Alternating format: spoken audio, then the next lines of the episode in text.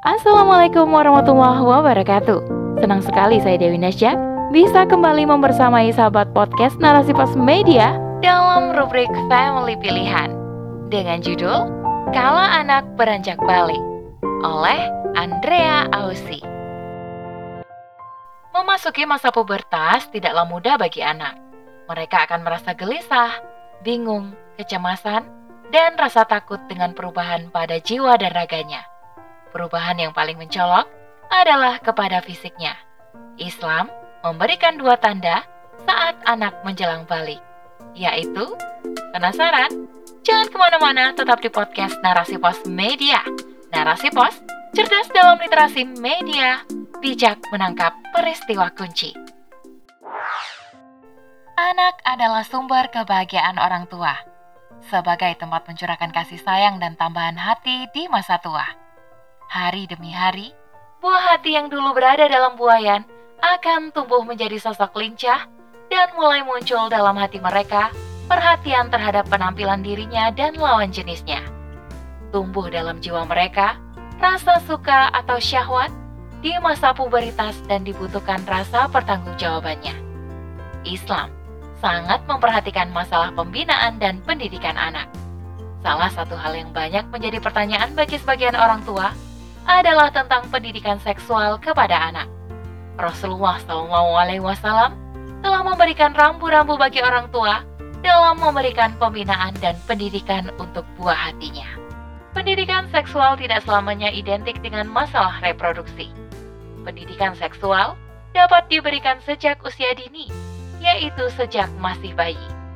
Seringkali orang tua tidak menyadari bahwa mereka telah melakukan penggolongan seks terhadap bayi mereka dengan pemilihan warna selimut, mainan, dekorasi kamar yang berbeda antara anak perempuan dan anak laki-laki. Lambat laun, anak-anak akan mulai belajar mengidentifikasi dan menyesuaikan perilakunya dengan peran seksual yang diberikan oleh orang tua juga lingkungannya. Terkadang, pada masa kanak-kanak, timbul pertanyaan dari buah hati kita, Bunda, dari mana sih adik bisa hadir? Mungkin pertanyaan tersebut membuat orang tua cukup kebingungan sementara si anak membutuhkan jawaban yang tepat. Jawaban yang tepat bagi anak bukanlah jawaban yang abstrak atau berputar-putar. Anak saat itu sedang belajar memuaskan keingintahuannya tentang hal-hal di sekitarnya. Hendaklah orang tua bisa menjawab pertanyaan anak dengan cara sederhana dan bisa dimengerti tanpa kebohongan. Misal, adik lahir dari perut bunda, seperti halnya anak kucing yang lahir dari perut ibunya. Janganlah menahan rasa ingin tahu anak akan hal-hal di sekitarnya, karena akan lebih berbahaya jika anak mendapatkan jawaban dari sumber-sumber yang salah. Memasuki masa pubertas tidaklah mudah bagi anak. Mereka akan merasa gelisah, bingung, kecemasan, rasa takut dengan perubahan pada jiwa dan raganya, dan perubahan yang paling mencolok adalah kepada fisiknya. Islam memberikan dua tanda saat anak menjelang balik. Pertama, ihtilam, yaitu keluarnya mani baik berupa mimpi maupun yang lainnya. Allah Subhanahu wa taala berfirman dalam Quran surah An-Nur ayat 24. Dan apabila anak-anakmu telah sampai hum atau ihtilam, hendaklah mereka meminta izin seperti orang-orang yang sebelum mereka meminta izin. Demikianlah Allah menjelaskan ayat-ayatnya, dan Allah maha mengetahui, lagi maha bijaksana. Dalam hadis Abu Daud dan Tirmizi, Rasulullah pernah bersabda, Diangkat pena tidak dikenakan kewajiban pada tiga orang, yaitu orang yang tidur hingga bangun, anak kecil hingga itilam, dan orang gila hingga berakal. Dari hadis tersebut, bisa diambil kesimpulan bahwa ihtilam merupakan salah satu sebab dikenakannya kewajiban syariat terhadap seseorang dan akan dimulai dihisapnya seluruh amal perbuatan yang dilakukan ketika telah mencapai usia taklif. Sebelum usia taklif, hanya merupakan pengenalan dan pembiasaan anak agar mencintai syariat. Kedua, tumbuh rambut kemaluan. Al-Maghribi bin As-Sa'id Al-Maghribi menukilkan sebuah hadis An-Nasai, Al-Baihaqi, dan Imam Ahmad dari Atiyah radhiyallahu anha, kami dihadapkan kepada Nabi Shallallahu alaihi wasallam pada hari Quraizah atau peristiwa pengkhianatan Bani Quraizah. Di situ orang yang telah tumbuh rambut kemaluan dibunuh, sedang yang belum tumbuh rambut kemaluan dibiarkan. Aku adalah orang yang belum tumbuh, maka aku dibiarkan. Hadis tersebut menyiratkan bahwa tumbuhnya rambut kemaluan menandakan tanda balik seseorang dan telah dibebankan hukum syariat sehingga orang-orang Bani Quraiza yang telah tumbuh rambut kemaluannya berhak dibunuh karena telah mengkhianati Rasulullah Shallallahu Alaihi Wasallam. Islam sudah memberikan fondasi dalam pendidikan seksual bagi anak. Pertama, ajarkan anak untuk terbiasa meminta izin ketika mau masuk kamar orang tua. Allah Subhanahu wa taala telah mengingatkan kita seperti dalam Quran surah An-Nur ayat 24 hingga 59. Dan apabila anak-anakmu telah sampai ihtilam, maka hendaklah mereka meminta izin seperti halnya orang-orang yang sebelum mereka meminta izin. Demikianlah Allah Subhanahu wa taala menjelaskan ayat-ayatnya dan Allah Maha mengetahui lagi Maha bijaksana. Islam menetapkan kewajiban anak meminta izin kepada orang tua saat mau masuk ke kamar mereka, yaitu sebelum sholat fajar, siang hari ketika tidur siang, dan setelah sholat isya. Ketiga waktu itu adalah masa istirahat orang tua atau saat kondisi orang tua yang tidak boleh dilihat anak. Kedua, menjaga pandangan.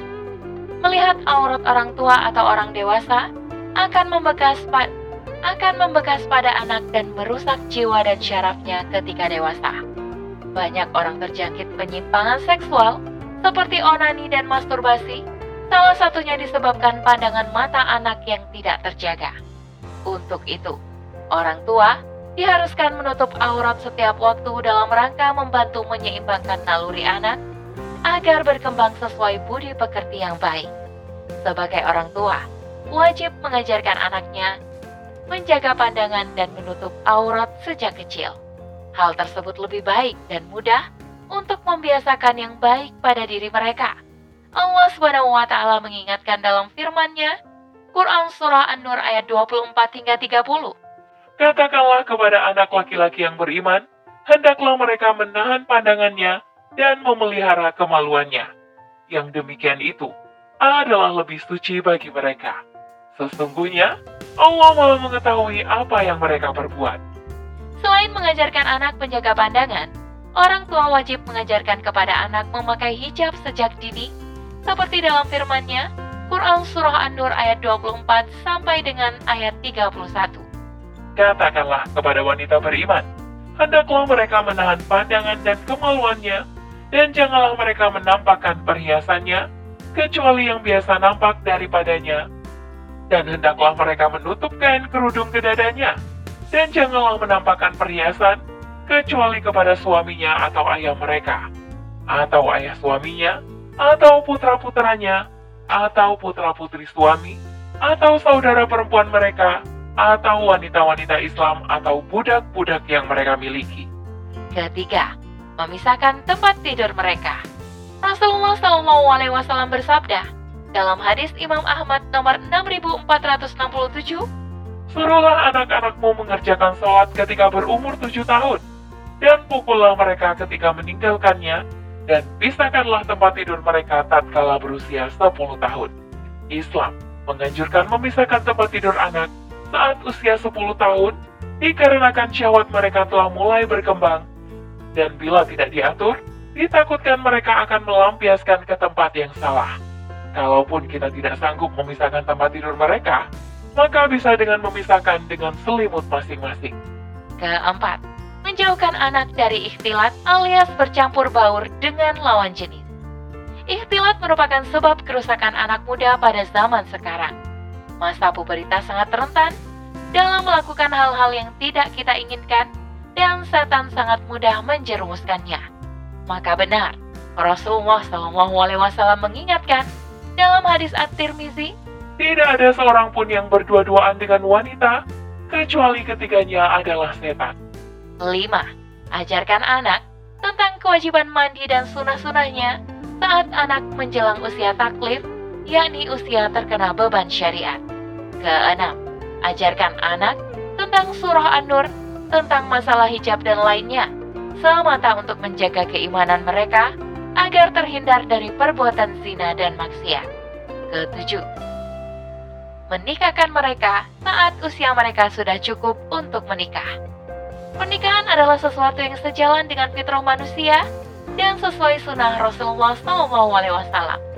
Rasulullah bersabda, sesuai yang termaktub dalam hadis Bukhari, dalam kitab nikah nomor 4677 dan Muslim nomor 2485. Wahai para pemuda, barang siapa di antara kalian mempunyai kemampuan untuk menikah, maka menikahlah. Karena hal itu lebih menundukkan pandangan dan memelihara kehormatan.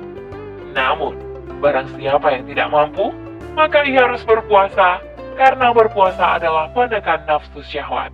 Demikianlah syariat Islam, memberikan rambu-rambu tentang pendidikan kepada anak agar tidak terlena dengan pendidikan di luar Islam yang banyak merusak era generasi saat ini.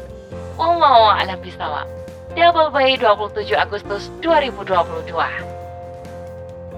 Demikianlah rubrik Family kali ini. Sampai bertemu di rubrik Family selanjutnya. Saya Dewi Nasya undur diri. Afumikum. Wassalamualaikum warahmatullahi wabarakatuh.